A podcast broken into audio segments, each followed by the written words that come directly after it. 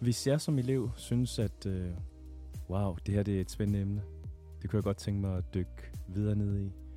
Hvor skal jeg starte hen?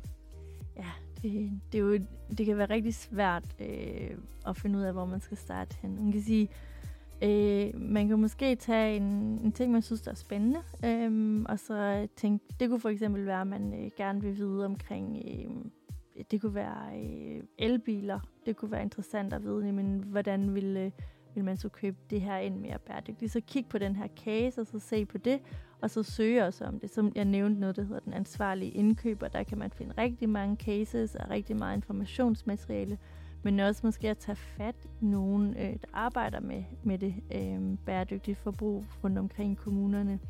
Øh, men det er lidt at tage det sådan et skridt ad gangen, og også øh, vide, at det er helt okay, at det kan, det kan virke lidt overvældende, og man lærer hen ad vejen. Øh, fordi så, så lige pludselig, så er nogle af de ting, man lærer fra, fra en, en case, øh, og, og et eksempel, det finder man ud af, så er det noget, man måske også kan overføre den, den måde at tænke på til en anden ting.